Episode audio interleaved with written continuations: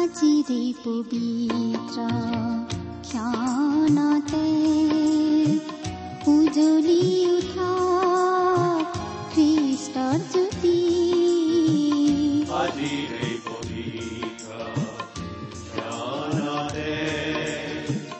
উজ্বলি উঠা খ্ৰীষ্টৰ জ্যোতি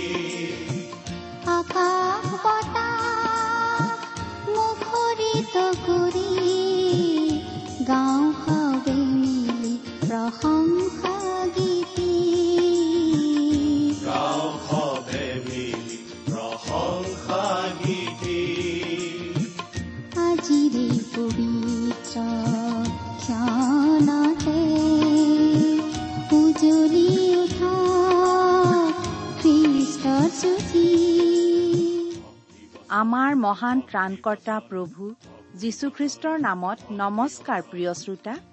এয়া মুকলি কৰিবলৈ লৈছো বাইবেল অধ্যয়নৰ ধাৰাবাহিক অসমীয়া অনুষ্ঠান ভক্তি বচন।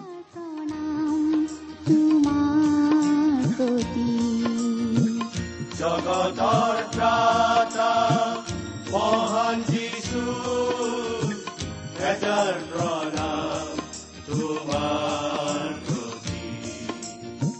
গ্ৰহণ কৰাই ভক্তি বচন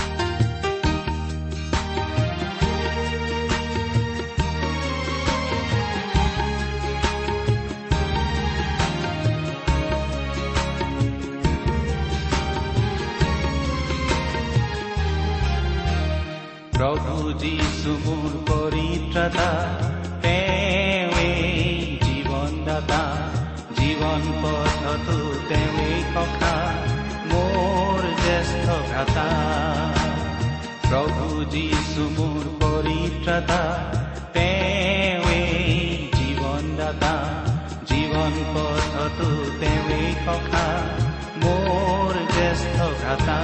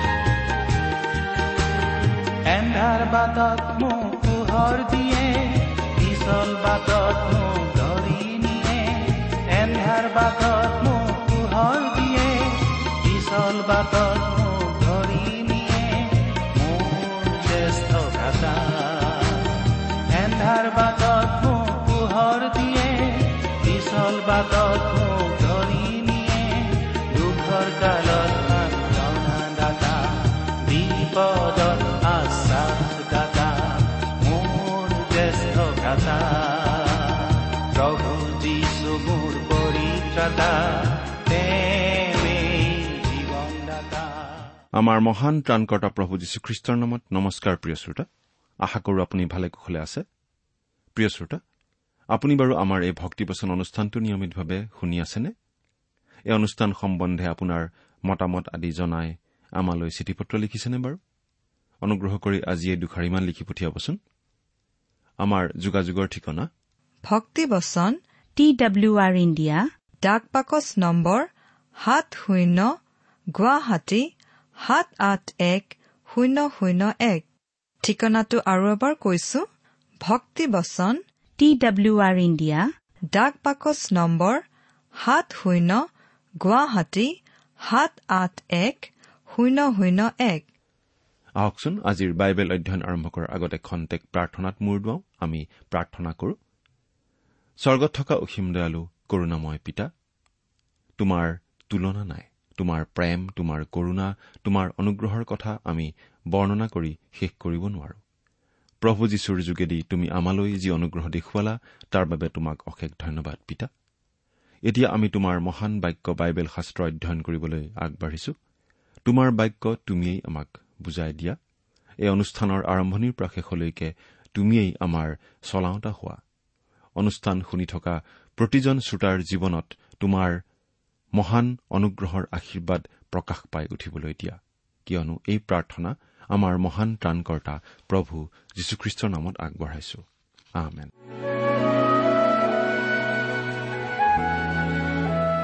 প্ৰিয় শ্ৰোতা আপুনি বাৰু আমাৰ এই ভক্তিবচন অনুষ্ঠানটো নিয়মিতভাৱে শুনি আছেনে? যদিহে শুনি আছে তেনেহলে আপোনাৰ নিশ্চয় মনত আছে যে আমি এতিয়া বাইবেলৰ পুৰণি নিয়ম খণ্ডৰ দানিয়েলৰ পুস্তক নামৰ পুস্তকখন অধ্যয়ন কৰি আছো।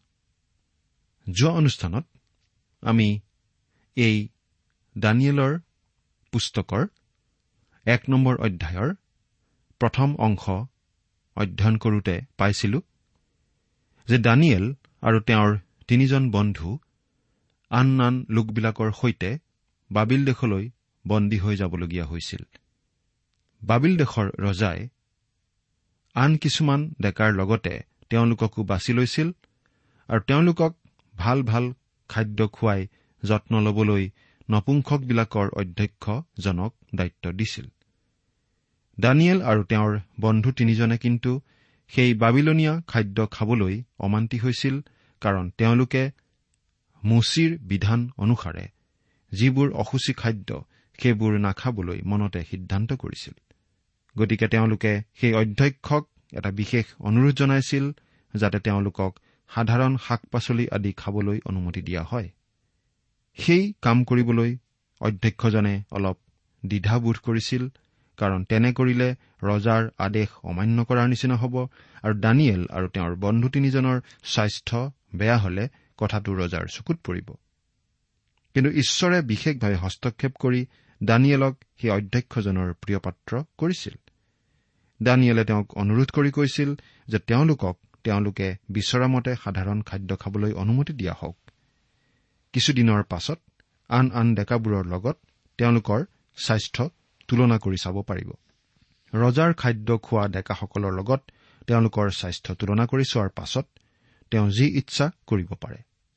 দানিয়েলে তেওঁৰ বন্ধু তিনিজনৰ সৈতে আচলতে ঈশ্বৰ জিহুৱাৰ প্ৰতি এনেদৰে বিশেষ সন্মান প্ৰদৰ্শন কৰিছিল আৰু তেওঁলোকৰ অন্তৰত নিশ্চয় এই বিশ্বাস আছিল যে আচলতে খোৱা বস্তুৱে নহয় কিন্তু ঈশ্বৰৰ পৰাহে তেওঁলোকে সুস্বাস্থ্য লাভ কৰিব।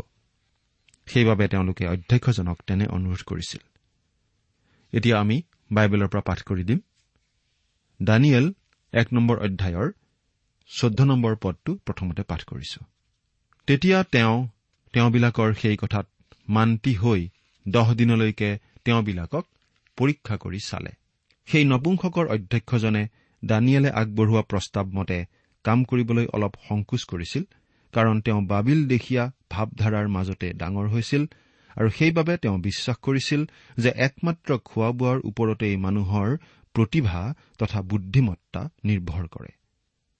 তথাপি তেওঁ যিহেতু দানিয়েলক ভাল পাইছিল গতিকে দানিয়েলৰ প্ৰস্তাৱ মতে তেওঁলোকক দহ দিন সময় দি পৰীক্ষা কৰি চাব বিচাৰিছিল।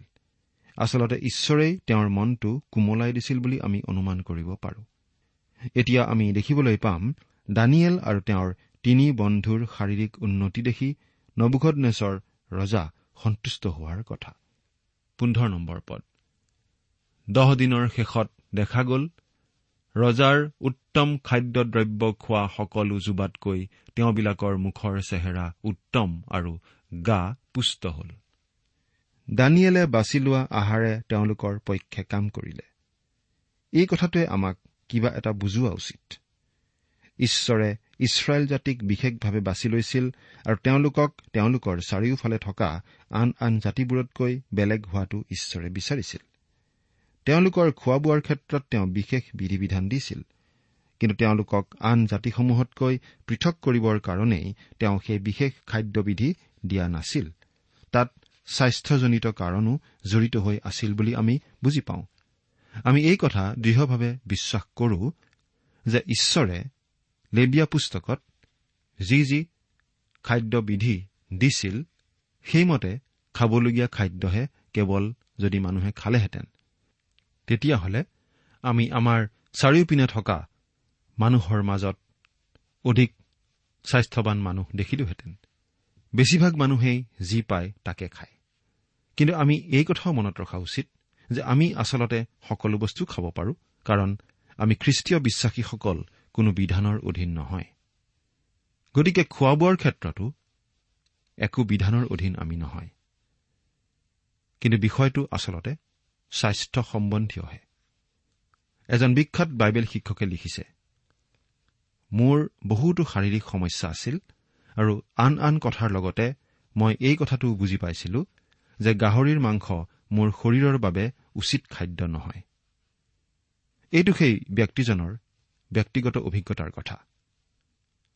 আমি খোৱা বস্তুৰ ক্ষেত্ৰত কোনো বিধি বিধানৰ অধীন নহয় কিন্তু কিছুমান বস্তু আমি নোখোৱাকৈ থকাটো স্বাস্থ্য সম্বন্ধীয় কাৰণত উচিত হ'ব পাৰে। কিন্তু সেইটো এটা বিধি বা সকলোৱে মানিবলগীয়া নিয়ম বুলি আমি ক'ব নোৱাৰো। ঈশ্বৰে ইছৰাইল জাতিৰ বাবে যি খাদ্যবিধি দিছিল যি যি খাদ্য খাবলৈ অনুমতি দিছিল আৰু যি যি খাদ্য খাবলৈ নিষেধ কৰিছিল সেই সকলোখিনি আচলতে স্বাস্থ্যৰ দিশৰ পৰা অতি অৰ্থপূৰ্ণ আছিল।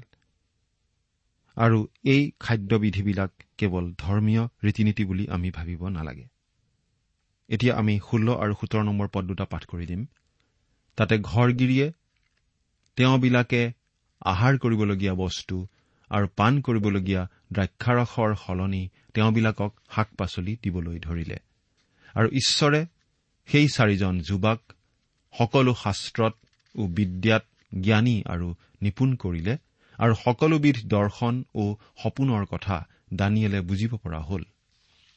ঈশ্বৰে যেনেকৈ চলোমনক আশীৰ্বাদ কৰিছিল তেনেকৈ এই ডেকাকেইজনকো আশীৰ্বাদ কৰিছিল। এই ইব্ৰী ডেকাকেইজন আছিল বিদেশৰ ৰাজসভাত। তেওঁলোকৰ মাজৰ পৰা দানিয়েল কালক্ৰমত গৈ বিশ্বৰ দুখন বিশাল সাম্ৰাজ্যৰ প্ৰধানমন্ত্ৰী হৈছিলগৈ। সকলোবিধ দৰ্শন ও সপোনৰ কথা দানিয়েলে বুজিব পৰা হ'ল। দানিয়েল যি যুগত বাস কৰিছিল সেই যুগত দৰ্শন আৰু সপোন আদিৰ যোগেদি ঈশ্বৰে কথা কৈছিল। ঈশ্বৰে দৰ্শন আৰু সপোনৰ সহায়ত প্ৰয়োজন সাপেক্ষে মানুহক জনাবলগীয়া কথা কিছুমান জনাইছিল। এতিয়া আপুনি হয়তো ক'ব পাৰে আজিকালিও ঈশ্বৰে তেনেদৰে কথা কয়। কোনোবাই হয়তো ক'ব পাৰে যে ঈশ্বৰে তেওঁক সপোনত কথা কৈছে। তেনেকুৱা লোকৰ কথাত আমি হলে হয় ভৰ নিদিম। আমি ভাবো ঈশ্বৰে আজিকালি মানুহক তেনেদৰে কথা নকয়। কিয়? কাৰণ ঈশ্বৰে আজি আমাক কথা কয় তেওঁৰ লিখিত বাক্যৰ যোগেদি অৰ্থাৎ বাইবেল শাস্ত্ৰৰ যোগেদি। অৱশ্যে কোনোবা বিশেষ ঠাইত কিবা বিশেষ পৰিস্থিতিত কেতিয়াবা ঈশ্বৰে অগতানুগতিক হিচাপে মানুহক কেতিয়াবা কিবা জনাব পাৰে। কিন্তু সেইটো এটা ব্যতিক্ৰম ঘটনাহে হয়।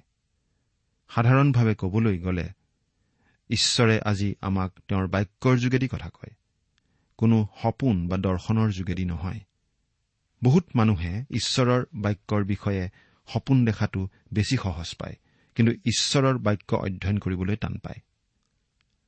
এনেকুৱা বহুতো ছাত্ৰ ছাত্ৰী আছে যিসকলে পৰীক্ষাৰ আগদিনা ৰাতি খুব ধাৰ্মিকভাৱেৰে প্ৰাৰ্থনা কৰে। তেওঁলোকে পঢ়া শুনা বেছি নকৰে কিন্তু পৰীক্ষাৰ বিষয়ে হলে খুব ধাৰ্মিকভাৱেৰে প্ৰাৰ্থনা কৰে।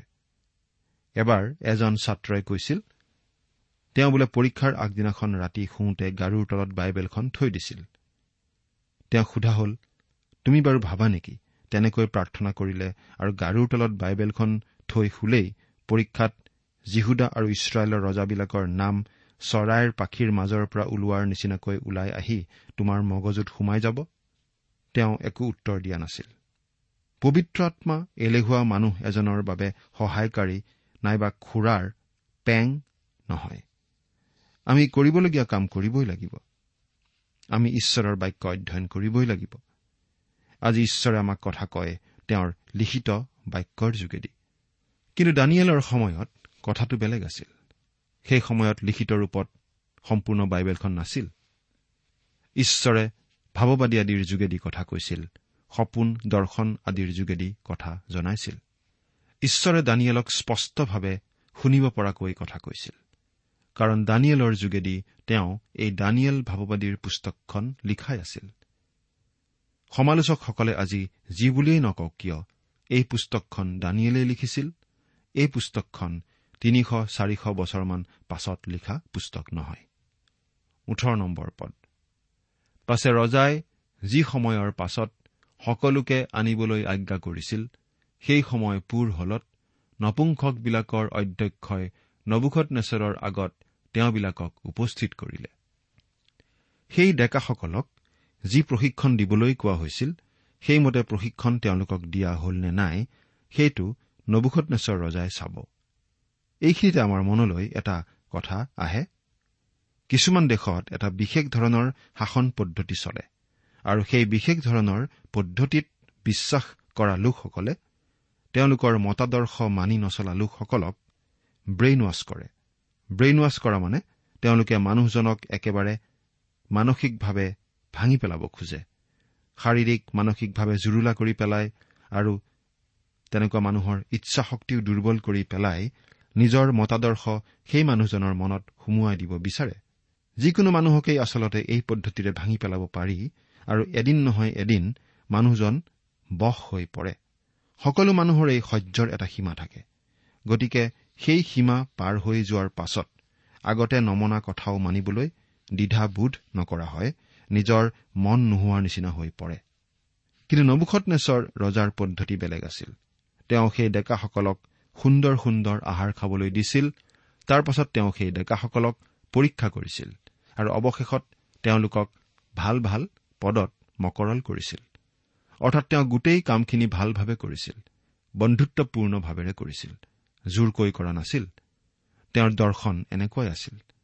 বন্ধু গঢ়া আৰু মানুহক প্ৰভাৱিত কৰাৰ পদ্ধতি তেওঁৰ এনেকুৱাই আছিল। ঊনৈশ নম্বৰ পদ। তেতিয়া ৰজাই তেওঁবিলাকৰ লগত কথা বাৰ্তা হলত তেওঁবিলাকৰ মাজত দানিয়েল হননীয়া মিছাইল আৰু অজৰীয়া এইকেইজনৰ সমান আন কাকো পোৱা নগ'ল। এই হেতুকে তেতিয়াৰে পৰা তেওঁবিলাক ৰজাৰ আগত থিয় হ'ল। ৰজাই সেই ডেকাবোৰৰ লগত কথা বতৰা পাতিলে আৰু কথা বতৰা পাতি তেওঁলোকৰ বুদ্ধিমত্তাৰ পৰিচয় ললে। তেনেদৰে কথা পাতি ৰজাই দেখিবলৈ পালে যে সকলোবিলাকৰ মাজত চাৰিজন ডেকা কথাই বতৰাই বিদ্যাই বুদ্ধিয়ে সকলো পিনে আগবঢ়া আৰু সেই ডেকাকেইজন আন কোনো নহয় দানিয়েল আৰু তেওঁৰ তিনি বন্ধু হননীয়া মিছাইল আৰু উজৰীয়া। ছদ্ৰক মেচক আৰু অবেদনগ। তেওঁলোকৰ বুদ্ধিৰ প্ৰখৰতাত ৰজা মুগ্ধ হ'ল আৰু তেওঁলোকক ৰজাই বিশেষ পদবী দান কৰিলে। তেওঁলোক ৰজাৰ গুৰুত্বপূৰ্ণ বিষয়া হ'ল। অৰ্থাৎ যি চাৰিজন ডেকাই ৰজাঘৰীয়া আহাৰ নাখায় মুচিৰ বিধান অনুসাৰে অসুচী আহাৰ নাখায় ঈশ্বৰৰ প্ৰতি সন্মান দেখুৱাই সাধাৰণ আহাৰ খাইছিল তেওঁলোকেই ৰজাৰ দৃষ্টিত সকলোতকৈ বুদ্ধিমান বুলি প্ৰতিপন্ন হ'ল। এয়াও আচলতে আঁৰত থাকি ঈশ্বৰেই কৰা কাম। ঈশ্বৰেই আচলতে সকলো কথা নিয়ন্ত্ৰণ কৰি আছিল। আৰু জ্ঞান ও বুদ্ধি বিষয়ক যিকোনো কথা ৰজাই তেওঁবিলাকক সুধিলে সেই সকলো কথাত তেওঁৰ ৰাজ্যত থকা আটাই শাস্ত্ৰজ্ঞ আৰু গণকতকৈ তেওঁ তেওঁবিলাকৰ দহ গুণে নিপুণ হোৱা পালে। ৰজাই তেওঁলোকৰ কথা বতৰা আদিৰ যোগেদি তেওঁলোকক পৰীক্ষা কৰি জানিব পাৰিলে যে তেওঁলোক আনসকলতকৈ বহু বেছি জ্ঞানী। আনসকলতকৈ দহ গুণ বেছি নিপুণ বুলি ইয়াত কোৱা হৈছে। মুঠতে তেওঁলোকৰ ওপৰত ৰজা সন্তুষ্ট হ'ল ৰজা আকৰ্ষিত হ'ল। একৈশ নম্বৰ পদ। পাঠ কৰি দিছো। আৰু দানিয়েল কুৰছ ৰজাৰ ৰাজত্বৰ প্ৰথম বছৰলৈকে থাকিল। প্ৰথমটো পদ আৰু এই একৈশ নম্বৰ পদ। এই পদ দুটা পঢ়িলে আমি দানিয়েলৰ জীৱনৰ দৈৰ্ঘ্য সম্বন্ধে এটা অনুমান কৰিব পাৰোঁ। তেওঁ যেতিয়া বন্দী হিচাপে বাবিল দেশলৈ আহিছিল তেতিয়া তেওঁৰ বয়স আছিল প্ৰায় সোতৰ বছৰ আৰু মৃত্যুৰ সময়ত তেওঁৰ বয়স হৈছিল প্ৰায় নব্বৈ বছৰ। অৰ্থাৎ যি সত্তৰ বছৰ কাল ইছৰাইল জাতি বাবিল দেশত বন্দী হৈ আছিল সেই গোটেই সত্তৰ বছৰ কালৰ সময়ছোৱাৰ দানিয়েল এটা যুগসূত্ৰৰ নিচিনা আছিল। তেওঁ বাবিল দেশৰ পৰা ইছৰাইললৈ ঘূৰি অহা নাছিল। খুব সম্ভৱ মানুহবোৰ বাবিল দেশৰ পৰা উভতি অহাৰ আগতেই দানিয়েলৰ মৃত্যু হৈছিল। আচলতে আমাৰ হাতত সেই বিষয়ে একো তথ্য নাই। গতিকে সেই কথা আমি খাটাংকৈ কবও নোৱাৰো। কিন্তু দানিয়েল যে দীৰ্ঘদিন ধৰি সেই বাবিল দেশত অতি উচ্চ পদত আছিল সেই কথাটো হলে আমি কব পাৰো। এতিয়া আমি দুই নম্বৰ অধ্যায়ৰ পৰা অলপ চাব খুজিছো। এই দুই নম্বৰ অধ্যায়ত আমি বিশেষভাৱে পাওঁ বহু ধাতুৰে গঢ়া এটা মূৰ্তিৰ বিষয়ে নবুখত নেচৰ ৰজাই দেখা এটা সপোন আৰু সেই সপোনৰ আধাৰত দানিয়েলে পৰজাতীয় লোকৰ সময়ৰ চাৰিখন বিশ্ববিয়পা সাম্ৰাজ্যৰ বিষয়ে কৰা ভৱিষ্যৎবাণীৰ কথা। এতিয়া আচলতে আমি ভৱিষ্যৎবাণীৰ দিশৰ পৰা কবলৈ গ'লে ঈশ্বৰৰ বাক্যৰ এটা অতি গুৰুত্বপূৰ্ণ খণ্ডত প্ৰৱেশ কৰিছো। দুই নম্বৰ অধ্যায়ত পোৱা এই বহু ধাতুৰ মূৰ্তি সাত নম্বৰ অধ্যায়ত পোৱা চাৰিটা পশু আৰু ন নম্বৰ অধ্যায়ত পোৱা দানিয়েলৰ সত্তৰ সপ্তাহৰ কথাখিনিয়ে বাইবেলৰ ভৱিষ্যৎবাণীৰ ৰাজহাৰ আৰু কামিহাৰৰ নিচিনা। পুৰণি নিয়মৰ এই অংশখিনিক বাদ দি আপুনি ভৱিষ্যৎবাণীৰ জকা এটা পোৱাটো সম্ভৱ নহয়। জৈতুন পৰ্বতৰ ওপৰত প্ৰভু যীশুৱে যিখিনি কথা কৈছিল শিষ্যসকলক সেই গোটেইখিনি আচলতে দানিয়েলৰ পুস্তকখনৰ ওপৰত ভিত্তি কৰিয়েই তেওঁ কৈছিল। শিষ্যসকলে শেষকালৰ বিষয়ে প্ৰভু যীশুক সুধিছিল এইবোৰ কথা কেতিয়া ঘটিব আমাক কওক? আৰু আপুনি পুনৰ অহাৰ আৰু এই জগতৰ শেষকাল উপস্থিত হোৱাৰ চিন কি হ'ব? তেতিয়া প্ৰভু যীশুৱে তেওঁলোকক এই বুলি উত্তৰ দিছিল আমি পাঠ কৰি দিছো মঠিয়া লিখা শুভবাৰ্তা চৌব্বিছ নম্বৰ অধ্যায়ৰ পোন্ধৰ নম্বৰ পদ। ইয়াত আমি এনেদৰে পঢ়িবলৈ পাওঁ এই হেতুকে যি ধ্বংসকাৰী ঘীনলগীয়া বস্তুৰ কথা দানিয়েল ভাৱবাদীৰ দ্বাৰাই কোৱা হৈছিল তাক যেতিয়া পবিত্ৰ ঠাইত থকা দেখিবা যিজনে পঢ়ে তেওঁ বুজক। আমি মাত্ৰ এটা পদ পঢ়িলো। গতিকে এতিয়া আমি অধ্যয়ন কৰিবলৈ লোৱা এই অধ্যায়টো ঈশ্বৰৰ বাক্যৰ এটা অতি গুৰুত্বপূৰ্ণ দৰকাৰী অধ্যায়।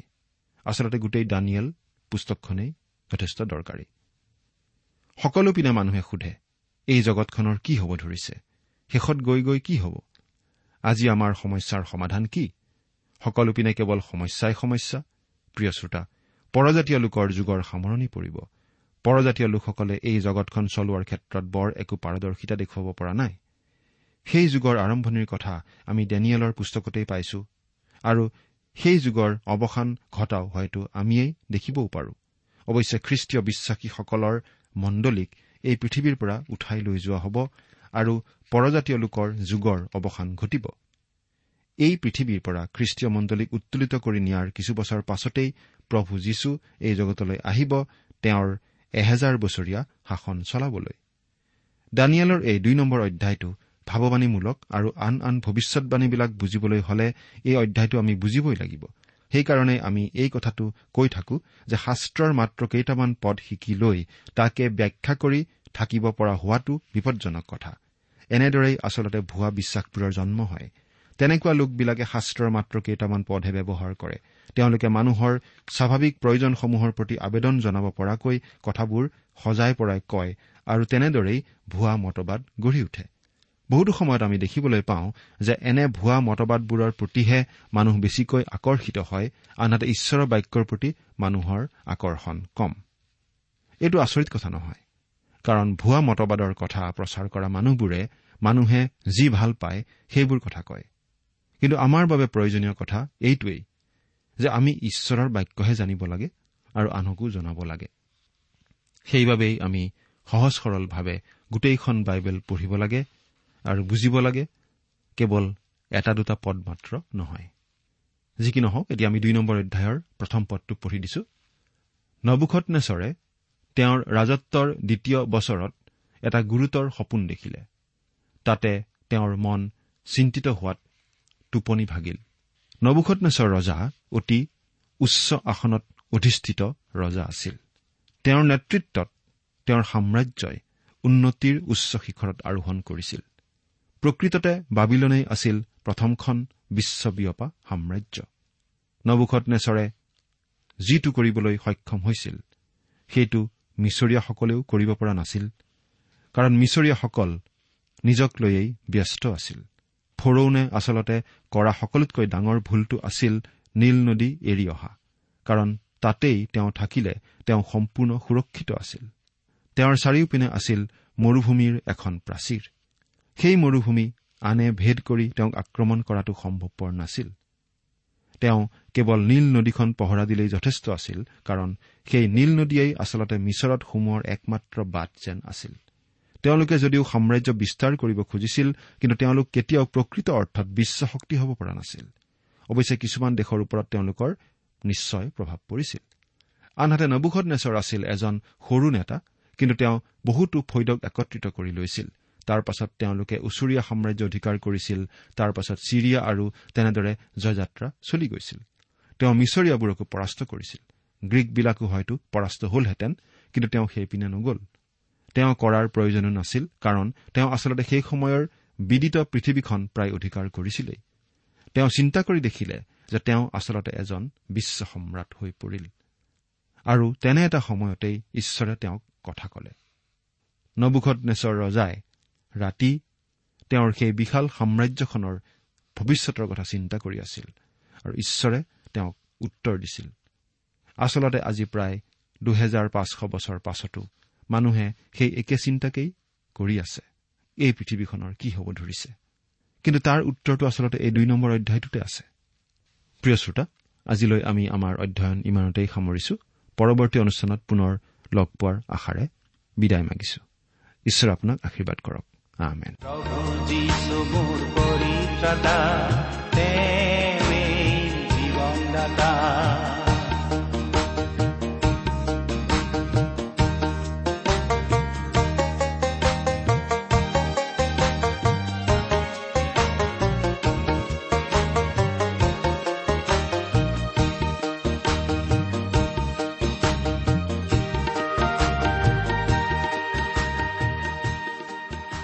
ইমান পৰে আপুনি ভক্তিবচন অনুষ্ঠানটি শুনিলে।